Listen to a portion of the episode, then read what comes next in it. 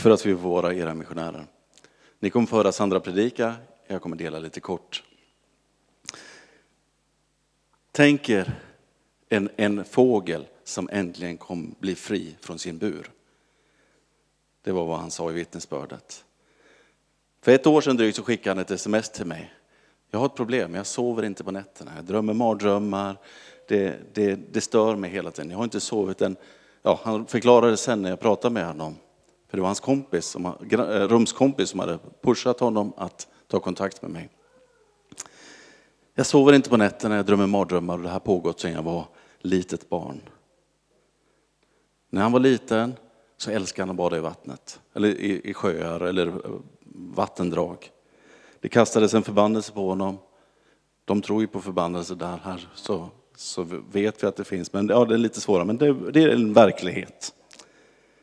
Sen dess har han varit rädd för vatten. När han var 10-11 så började han sova, drömma mardrömmar. Vi träffade honom, vi bad tillsammans med honom. För vi kände att den här förbannelsen är viktigt att bryta över honom, men det kom fram att när hans pappa lämnade honom och hans mamma och familjen när han var 10-11 år, så växte en bitterhet i hans liv. Kanske inte bara för att han lämnade honom, utan det blev ganska tydliga konsekvenser. Ingen mat på bordet, olika, olika aspekter som påverkade hans liv. När han växte upp och blev äldre så flydde han in till, han började kompensera på olika sätt, förutom att vara bitter på pappa. Han hade sökt hjälp för mardrömmarna och oroligheterna att inte kunna sova på nätterna, men inget hade hjälpt. Vi träffade honom tillsammans, vi bad. Han fick förlåta sin pappa. Han fick göra upp med, göra Jesus till Herre i sitt liv. Och avsäga sig de beteenden, kompensationsbeteenden han hade skapat. Sen bad vi att Gud skulle befria honom från den, från, från den förbannelsen som låg över hans liv. Det var klockan tolv på, natt, på dagen kom han, åkte han hem till sin lägenhet han bodde. Eller rum, det är snarare åtta kvadratmeter som de delar på tillsammans. Han berättade sen att han sov fram till sju på kvällen, gick upp och åt och sen fortsatte och sov ända till morgonen. För första gången på massa år. Gud förändrade hans liv. Sen, dö, sen skulle han döpas då, som ni såg i poolen där. Då gick han och våndades i två veckor. Hur ska jag klara att gå ner i vattnet? Vi pratade om att han skulle provträna också och så vidare. Den dagen när vi döpte honom så skakade han innan. Men ni såg honom också bada i vattnet efteråt. Det bröts i hans liv.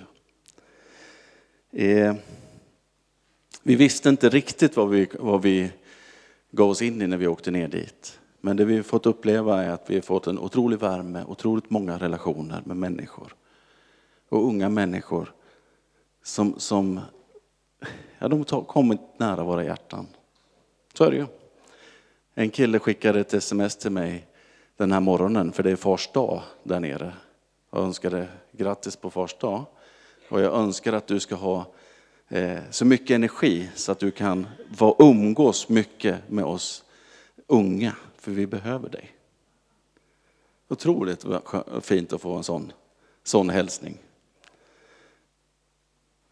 Vi har, jag tror ni visade filmen vi skickade för någon månad sedan. Det, vad sa du? På en bönesamling. Men Sandra har rört sig i ett område som ligger precis nära oss, där många tilltufsade i samhället bor.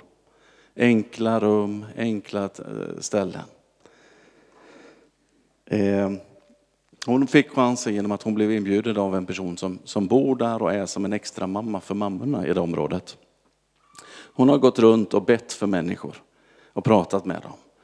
En dag så ringde det en, en eh, ring, ringde hon Stella och sa du måste komma för den här mamman har precis fått tvillingar.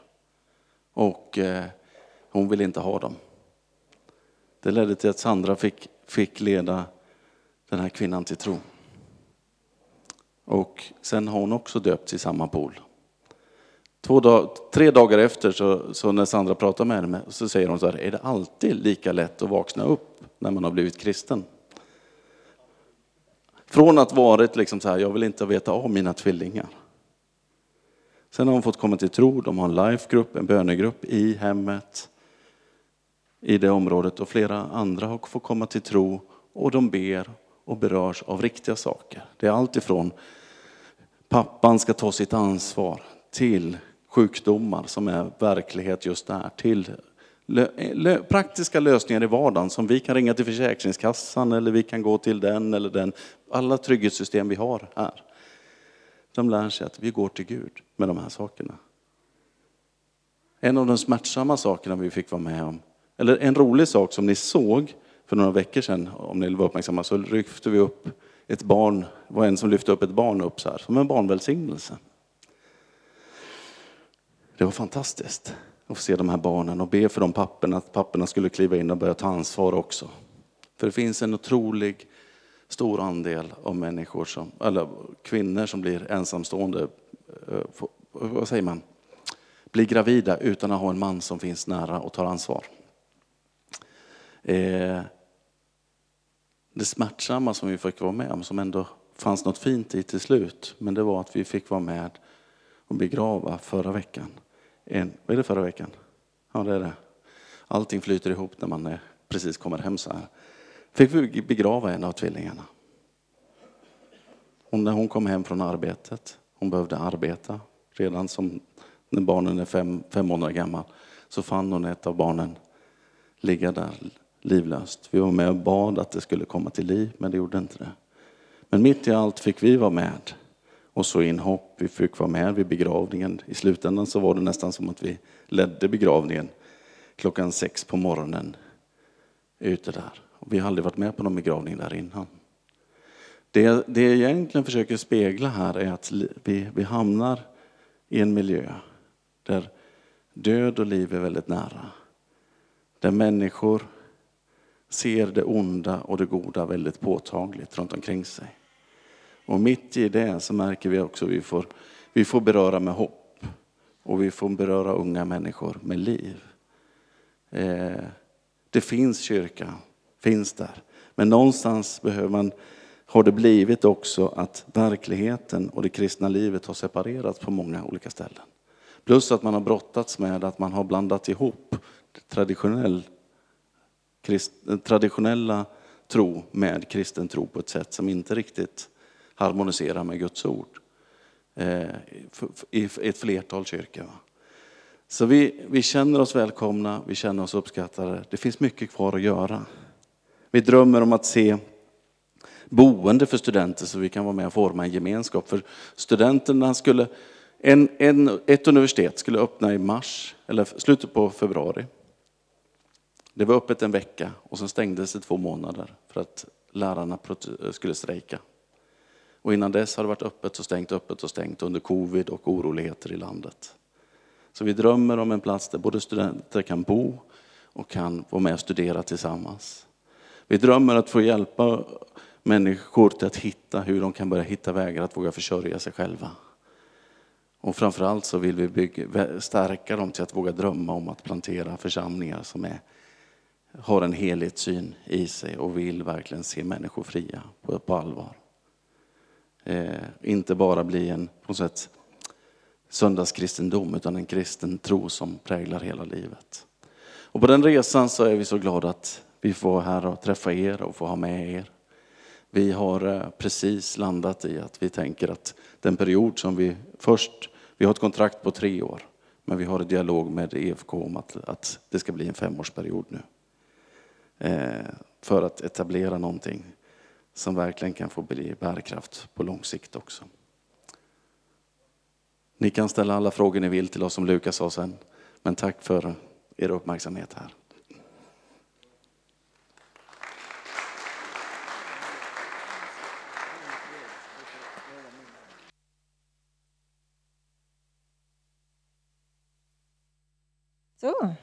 Sani Bonani Basalvani, Egamenliga Jesu Kristi. Det är vad vi brukar säga när vi inleder. Det är en hälsning till församlingen. Sisvati. Det känns fantastiskt att få vara här. Jag känner mig grymt berörd, tacksam. Det känns fantastiskt att sjunga lov till Gud på svenska. Det var länge sedan. Jag blev helt så här, wow, att vi får göra det här. Vi är jättetacksamma att ni har valt att vilja stå med oss. Det betyder allt. Vi känner verkligen att vi inte står ensamma. Vi känner verkligen att vi står med människor. Och vi är så grymt medvetna om att vi aldrig kunnat göra det här på egen hand. Guds församling verkar tillsammans med hans liv, med hans utandning, hans inandning. Hans vilja, hans intentioner och liv. Jag tänkte predika om tillbedjan idag. Eh, jag pratade med en man förra veckan, en svensk i Eswatini. Eh, han kommer lite ibland till vår kyrka. Och så sa han så här, ah, alltså jag tycker inte om lovsång. Jag, jag kommer gärna efter lovsången har kommit. Ja. Eh, ah, jag, kommer ty jag tycker inte om musiken. Nej. Tycker du om annan musik som tillber Gud? Nej, egentligen inte. Okej. Okay. Men när tillber du Gud då? När tillber du Gud? Då blir han tyst. Och det stannade kvar i mig. Och Gud var på mig. Och det blev så tydligt att om vi inte tillber honom som Gud, vilka är vi då? Om vi inte erkänner honom som vår Gud genom våra ord, genom våra uttryck och lyfter honom upp till den rättmätiga Herre som han är. Vilka är vi då? Vad säger det om oss? Och vad säger det om vår bild av Gud? Därför att oavsett vad vi säger, vad vi uttrycker, så består Gud av hans storhet. Vi ska börja med att läsa i psalm 24. Eh, och jag får erkänna att jag har liksom lagt bort den här möjligheten med, med PowerPoint. Eh, för i vår kyrka så har vi liksom inte hunnit dit ännu och vi har levt i det. Så ni får förlåta mig. Men ni som har biblar, slå upp Psaltaren 24, vers 1 och 2a. Eh, annars så läser jag följande. Jorden är Herrens med allt vad den rymmer. Världen med dem som bor i den. Vers 2. Anledningen. För han har grundat den. I en annan översättning står det Jorden tillhör Herren och allt som finns där. Världen och alla som bor där. Vad är inte Herrens? Ibland när jag tänker på mitt eget liv, när jag tänker på Sverige och när jag tänker på Esfatini...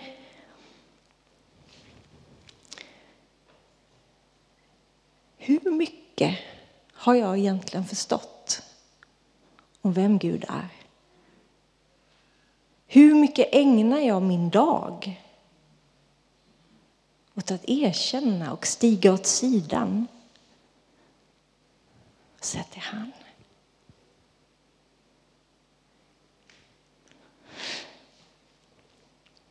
Jag har funderat på anledningen och vad det är som gör att trots att Gud så tydligt säger att han har skapat oss till sin avbild.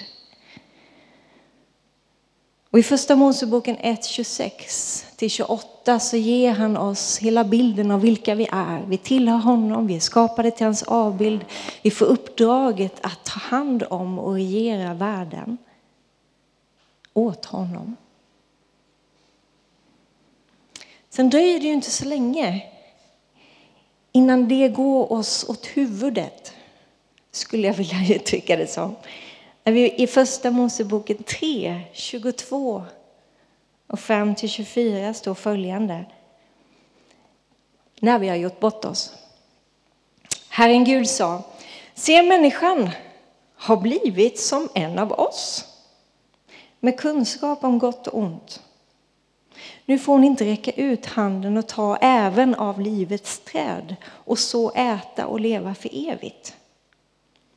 Gud behövde i vers 23 sätta en gräns för att vi inte skulle ställa till med mer saker än de saker som beslutet om att äta av trädet redan hade givit oss.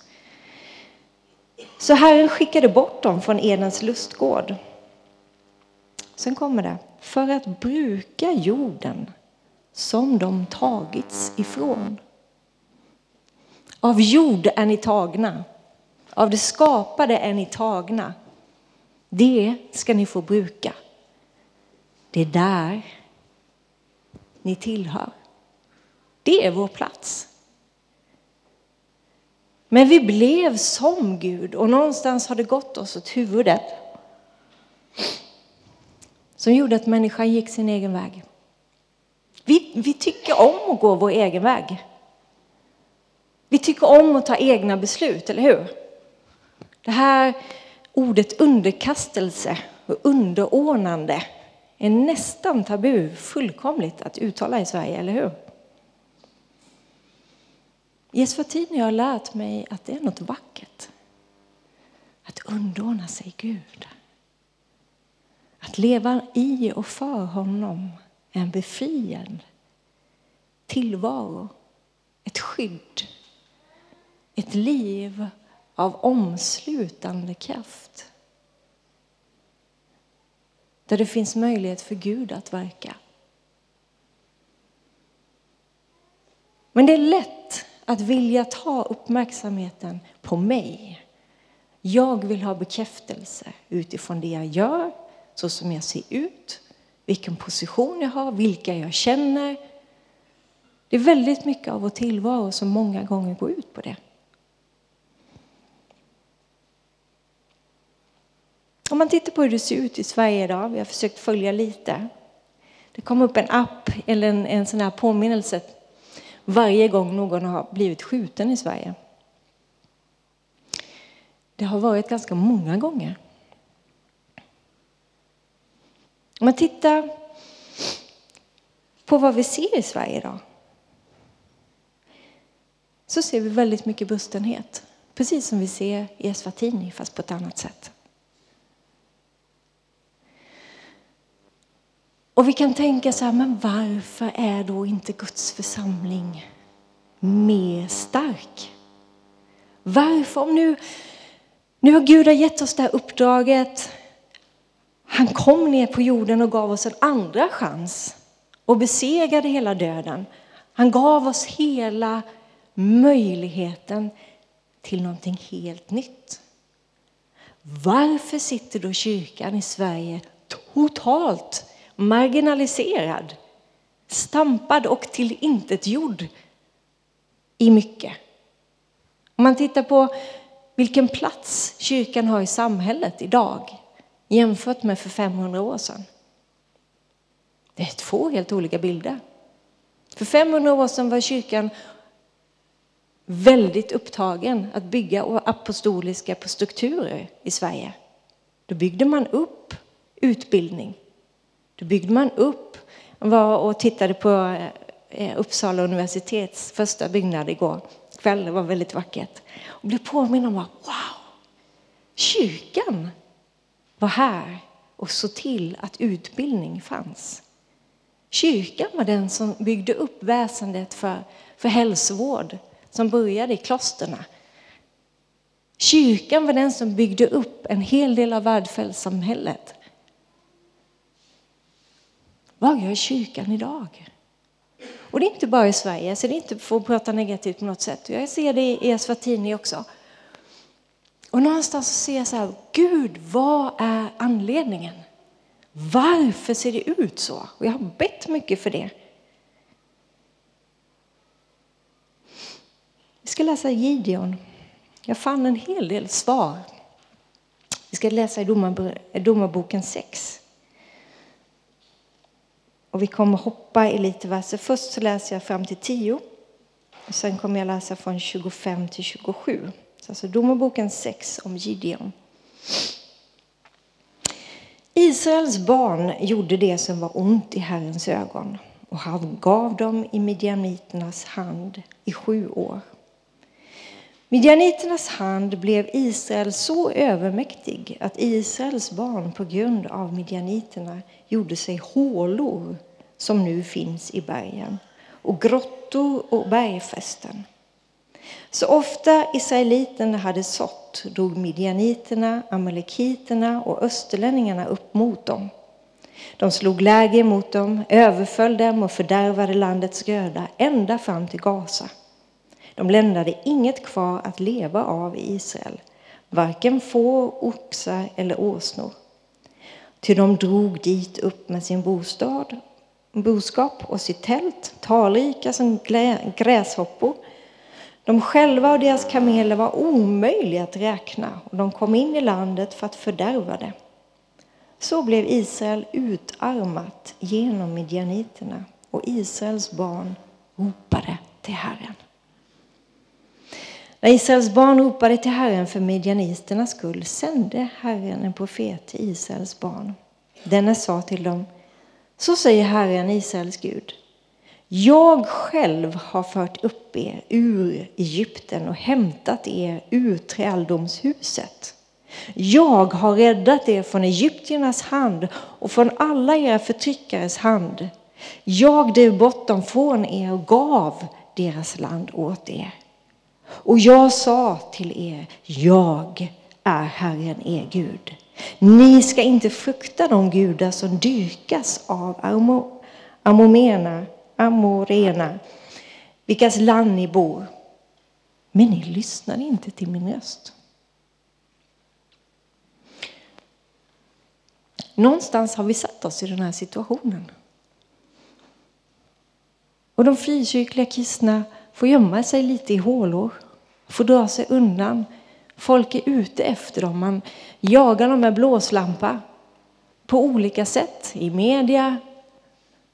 Jag har förstått att ni har fått er släng av sleven här också. Och Det är lätt att vi drar oss undan därför vi vet inte vad vi ska ta oss till.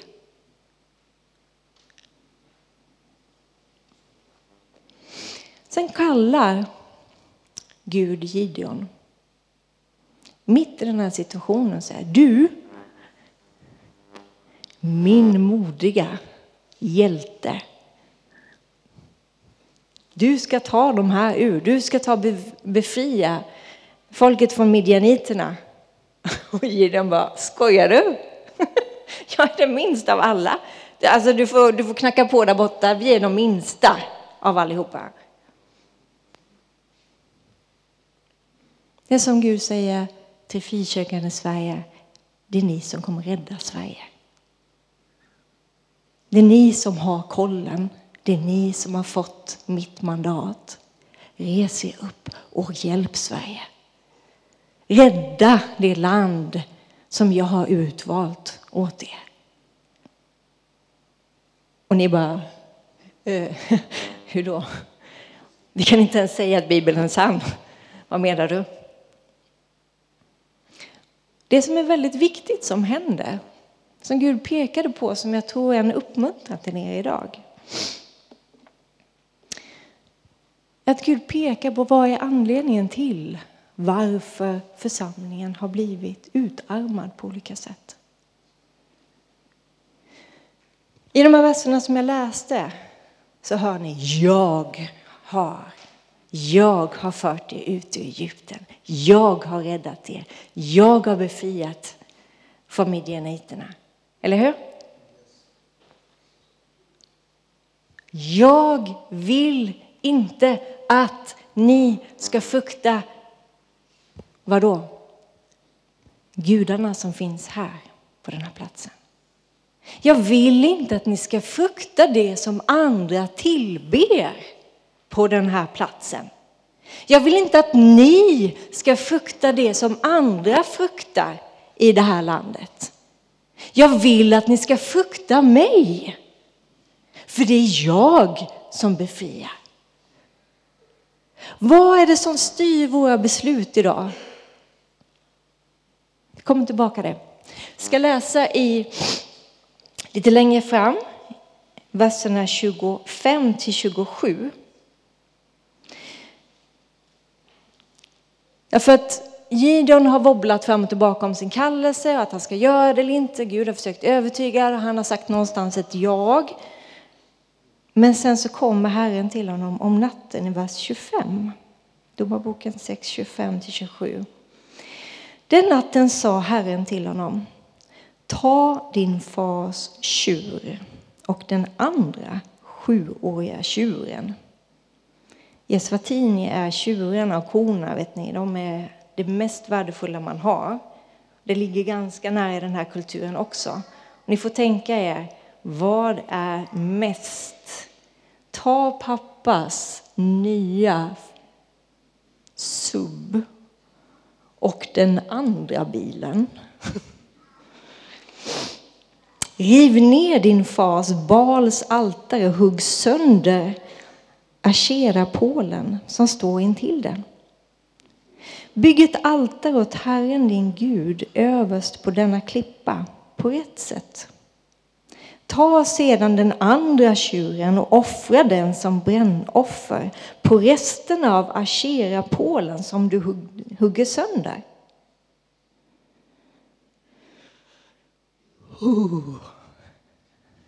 Det här, husgudarna och asherapålarna i den här kulturen var det värdefullaste och det som var maktfullt, det som man förlitade sig på. Det kallar Gud Gideon att hugga sönder, att till intet göra. Tror ni att Gideon bara Yes! Det gör jag imorgon när det har blivit solljus, när alla ser. Nej, det gjorde han inte. Då tog Gideon med sig tio av sina tjänare och gjorde som Herren hade sagt till honom. Men eftersom han var rädd för sin fars hus och för stadens män gjorde han det inte på dagen utan på natten. Men han gjorde det. Någonstans talar det här om nåd. Vi måste börja där vi står. Gud vet att vi, vi har hänsyn till det samhället vi lever runt omkring. Vi har tyvärr under ganska lång tid riktat oss under vad är det för någonting som styr oss i Sverige? Tänk, vad är de, de fundament som man inte rör i Sverige? Vad är det du tar beslut och har respekt inför när du tar beslut, när du pratar inför andra? Det finns vissa referensramar som man oftast inte går utanför. Kan jag få exempel på vad det är?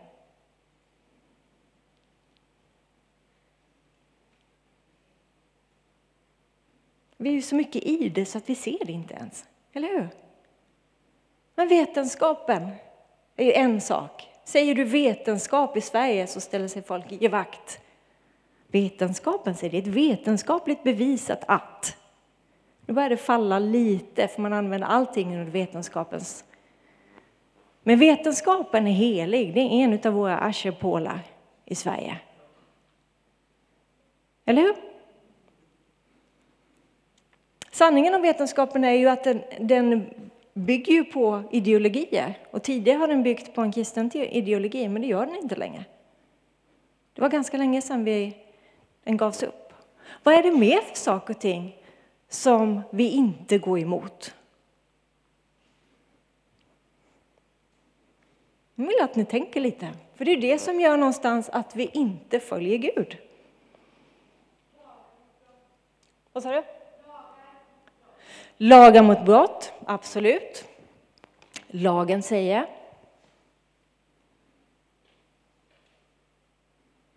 Rättigheter, eller hur? I Sverige, våra rättigheter är väldigt, väldigt viktiga. Säg ingenting emot dem. Våra familjemönster. Vad säger släkten runt omkring? Vi har brutit ner en del av det Tyvärr har vi inte ersatt det med någonting som kanske är så hälsosamt. Principer, kulturen. Och någonstans är det tid, jag vill utmana er att börja urskilja vad är det i den svenska kulturen som har blivit svensk kultur? Som faktiskt står emot Guds auktoritet och ord. Som vi följer mer än Gud. Där Gud får lite stå åt sidan. Där hans bibliska principer blir lite för extrema för att sägas högt och offentligt. Där Bibelns sanning inte får stå primärt i våra munnar och i våra beslut. Och där Gud inte får ära offentligt.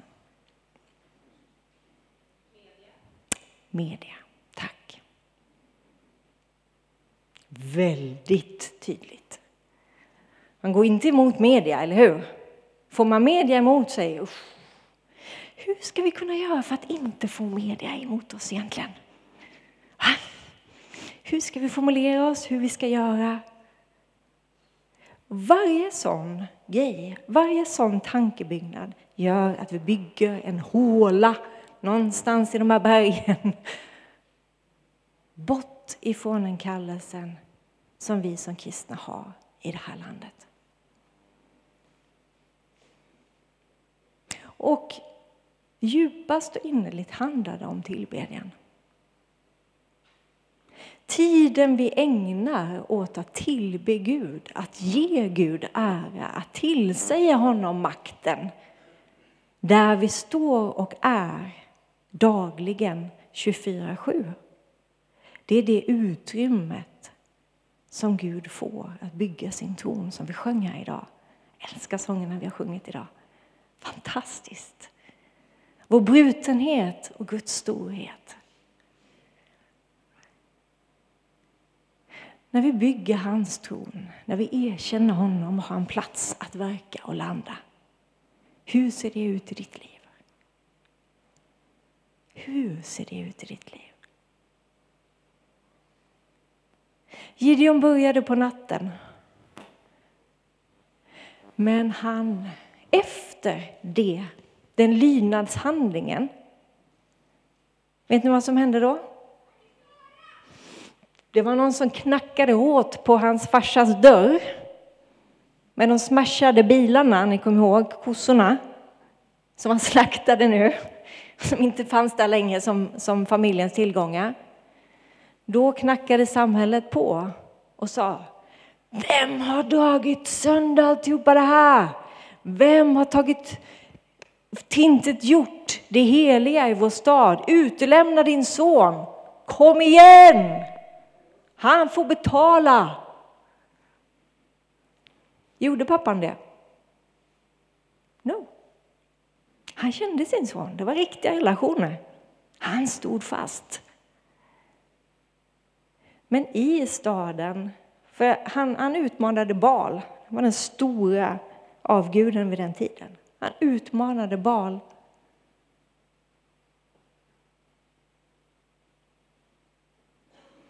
Du kommer se när du lever i tillbedjan på alla områden de som är dina närmaste.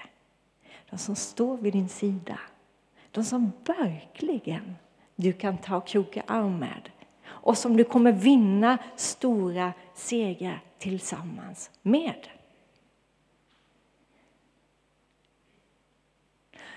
Så länge vi som kristna i Sverige förhalar och på något sätt adapterar och anpassar oss så förhalar vi bara den förföljelsen som kommer att komma i, vår land, i vårt land. Kristna kommer bli förföljda fullt ut. Jag är helt övertygad och har känt det i 10-15 år. Men det är bättre att ljuset får konfrontera mörkret så att ljuset någonstans får övervinna mörkret och utmana det som står på spel.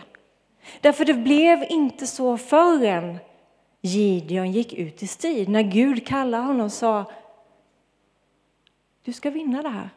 Några verser senare. Du kommer vinna det här.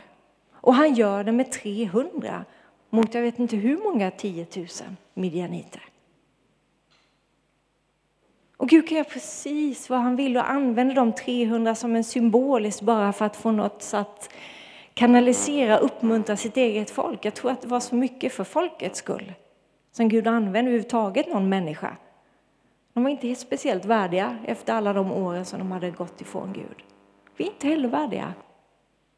Ganska fega. Jag tar på mig det själv i mitt eget liv också. Vi har varit fega som kristit, kristna under lång tid. Det är dags att vi förstår vem vi tillber. Det är dags att vi tar tillbaka vår tro, rensa ut våra aschepålar och våga säga att ja, jag är hjärntvättad av Jesus. Därför att han har köpt mig fri. Därför att det som vi sjunger om på korset är sant. Och det är inte förrän jag står för de sakerna och tillber honom med hela mitt liv som andra har chans att se att det är sant. För jag kan inte både tillbe det samhället höjer upp och säga att Jesus har befrielse på varje område i ditt liv. För då blir jag inte betrodd. Det är svårt för människor att komma till tro när vi är dubbla, när vi blandar upp.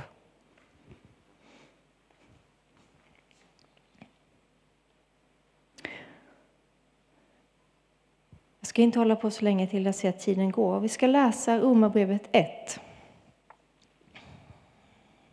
18 till 26. Och Romarbrevet 12 och 1. Så ska vi avsluta där. Vi ska be till Gud tillsammans.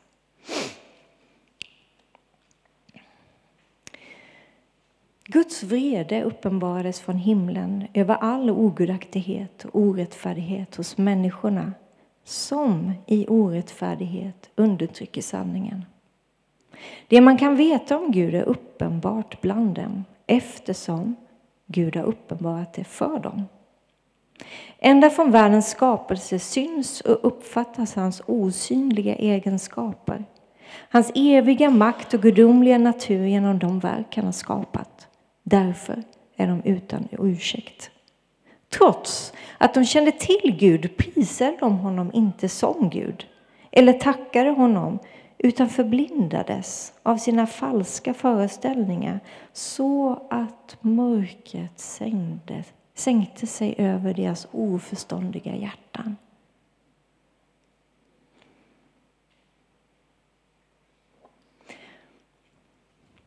Vi brottas med mycket depression i Sverige idag. Mycket utbrändhet. Mycket förvirring.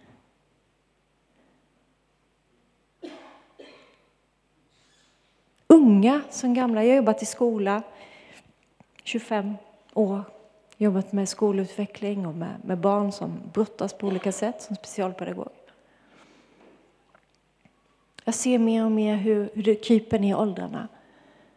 Det är få människor som känner Jesus idag. Och om vi läser riktigt tydligt Trots att de kände till Gud prisade de inte som Gud eller tackade honom utan förblindades av falska föreställningar. Vi har haft falska föreställningar som har förblindat det svenska folket och de som kommer hit under lång tid. Så att mörkret sänkt sig över deras oförståndiga hjärta. Om vi inte tillber Gud så tillber vi någonting annat. För vi är tillbedjande varelser. Vi kan inte göra någonting annat än att tillbe oavsett vad du säger. Vi kanske inte säger att jag tillber, men vi gör det. Vi underordnar oss, vi låter någonting annat kontrollera. Vi säger ja till. Och när vi inte säger ja till Gud så säger vi ja till resten. Och avsaknad av ljus, mina vänner, vad är det? Mörker. när vi går vår egen väg även som Guds församling. Inte i allt, men i allt för stort mått. Så finns det inte en landningsbana för Guds härlighet, kraft till försoning och befrielse för människor runt omkring oss. Då måste vi vända om ifrån vårt tillstånd där vi tar egna beslut, där vi vandrar vår egen väg. Vi vinkar lite till Gud ibland och så fortsätter vi. Vi måste vända om och vara beredda att betala det pris. Offra de altaren, offra de olika saker som styr och ger, ger, regerar som förmörkar andra människors hjärtan. Om inte vi gör det, mina vänner, så gör ingen det. Därför det är vi som är det utvalda folket. Det är vi som Gud har gett mandatet att ge liv, barmhärtighet, kärlek, kraft, ett fullt evangelium av sanning och nåd. Därför, mina vänner, det är första gången som, som Bibeln på hebreiska uttalar ordet tillbedjan är när Abraham ska offra sin son. Det dyrbaraste han har, det han har längtat efter i 20 år. Ser Gud är en avgud för honom och säger, får jag ta det? Ja. Sista bibelverset som vi läser kort idag är från Romarbrevet 12 och 1 där samma ord används, fast på grekiska, där det står Därför uppmanar jag er genom Guds nåd att frambära era kroppar som ett levande offer, heligt och behagligt för Gud. Detta är din andliga tillbedjan. Visst är det vackert? När vi frambär oss och våra kroppar. Vi blottar oss som ett levande offer. Offret under Gamla testamentet dog. Men Paulus uppmanar oss att vara levande offer där vi ständigt offras för att han ska bli tillbedd, för att han ska bli synlig för att han ska kunna bli efterföljd, ärad och älskad. Låt oss be tillsammans.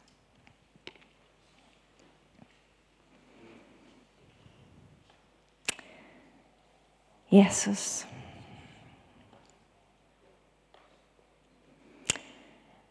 Jag ber att ditt ord får liv i våra hjärtan. Jag tackar dig Gud för att ditt ord är levande och skarpt. Blottlägger våra hjärtan hjärtans uppsåt och motiv. Vi är din församling, Herre. Vi böjer oss inför dig.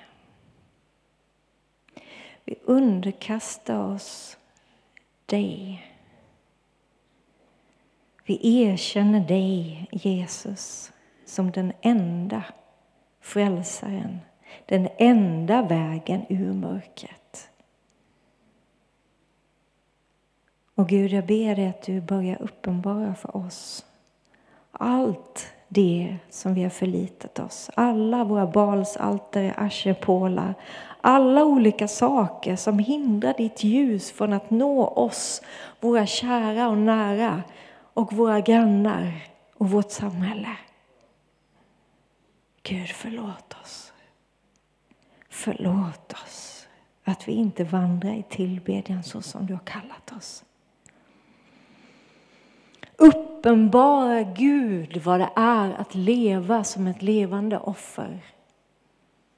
Dig till ära och pris. Vi ber om nåd och förbarmande. Vi ber dig om nåd och sanning, att du blottlägger och visar oss Gud så att vi kan få bli din församling som reser sig upp och blir det hopp som du har kallat oss till för att rädda det här landet genom få såsom många. Gud, du kan rädda Sverige genom dina troende, de som har överlåtit sig tro på ditt ord, ditt hela ord.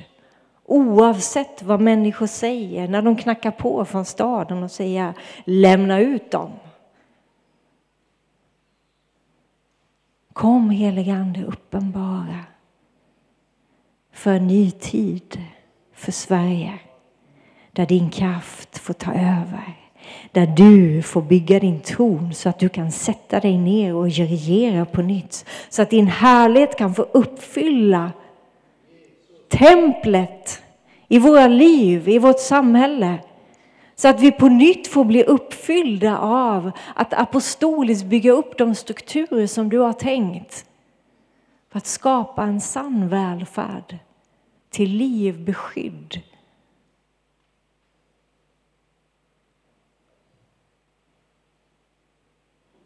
Halleluja. Tack helige Ande att du är här.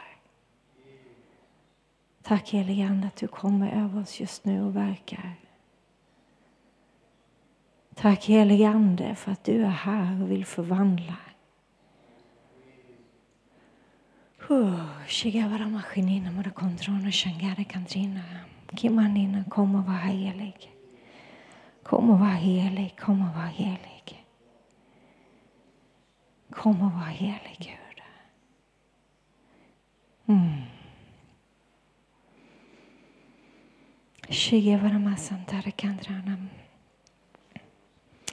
Du som känner just nu att oj, jag har inte tänkt på att jag faktiskt levt väldigt mycket för mig själv. Det kommer ta tid för bön just nu. Och om du vill be tillsammans med någon annan så kommer Lukas att, att ge en instruktion för hur det sker. Men jag känner, jag känner i min ande att det finns människor som har varit i kyrkan under lång tid. Som har tjänat, som har varit och som har försökt och strävat. Men som längtar efter att få uppleva. Och Gud vill komma och beröra dig. Men det finns en eller två altare som du måste lämna. Därför att han är inte herre i ditt liv. Och det är anledningen till att du inte upplevt. Du har förlitat dig på andra saker. Du har inte förstått vidden av det. Och han kommer med sin nåd och bjuder dig idag att komma och lämna de sakerna till honom och våga tro för det omöjliga. Där du är rädd, där du är sjuk, där du inte har allt på fötterna, där du kanske inte har ett jobb, du inte har vad det nu är du inte har som gör att du måste hålla an till någonting annat än Kristus. Han utmanar dig att lämna dem så att han får bli Gud fullt ut i ditt liv. Så att den här församlingen kan få resa sig upp som en människa och få stå i varandras ryggar jag känner också att det finns befrielse för dig som känt dig bunden över tid. Där du har försökt och bett och du försökt och bett. Och du blir inte fri från vad det nu är för någonting. Herren har sett det. Han vill lyfta, han vill bryta det över dig idag. För han vann över allt mörker. Han besegrade allt mörker. Det som vi sjöng om, brottningen vi, vi stupet. Han kom för dig. Amen.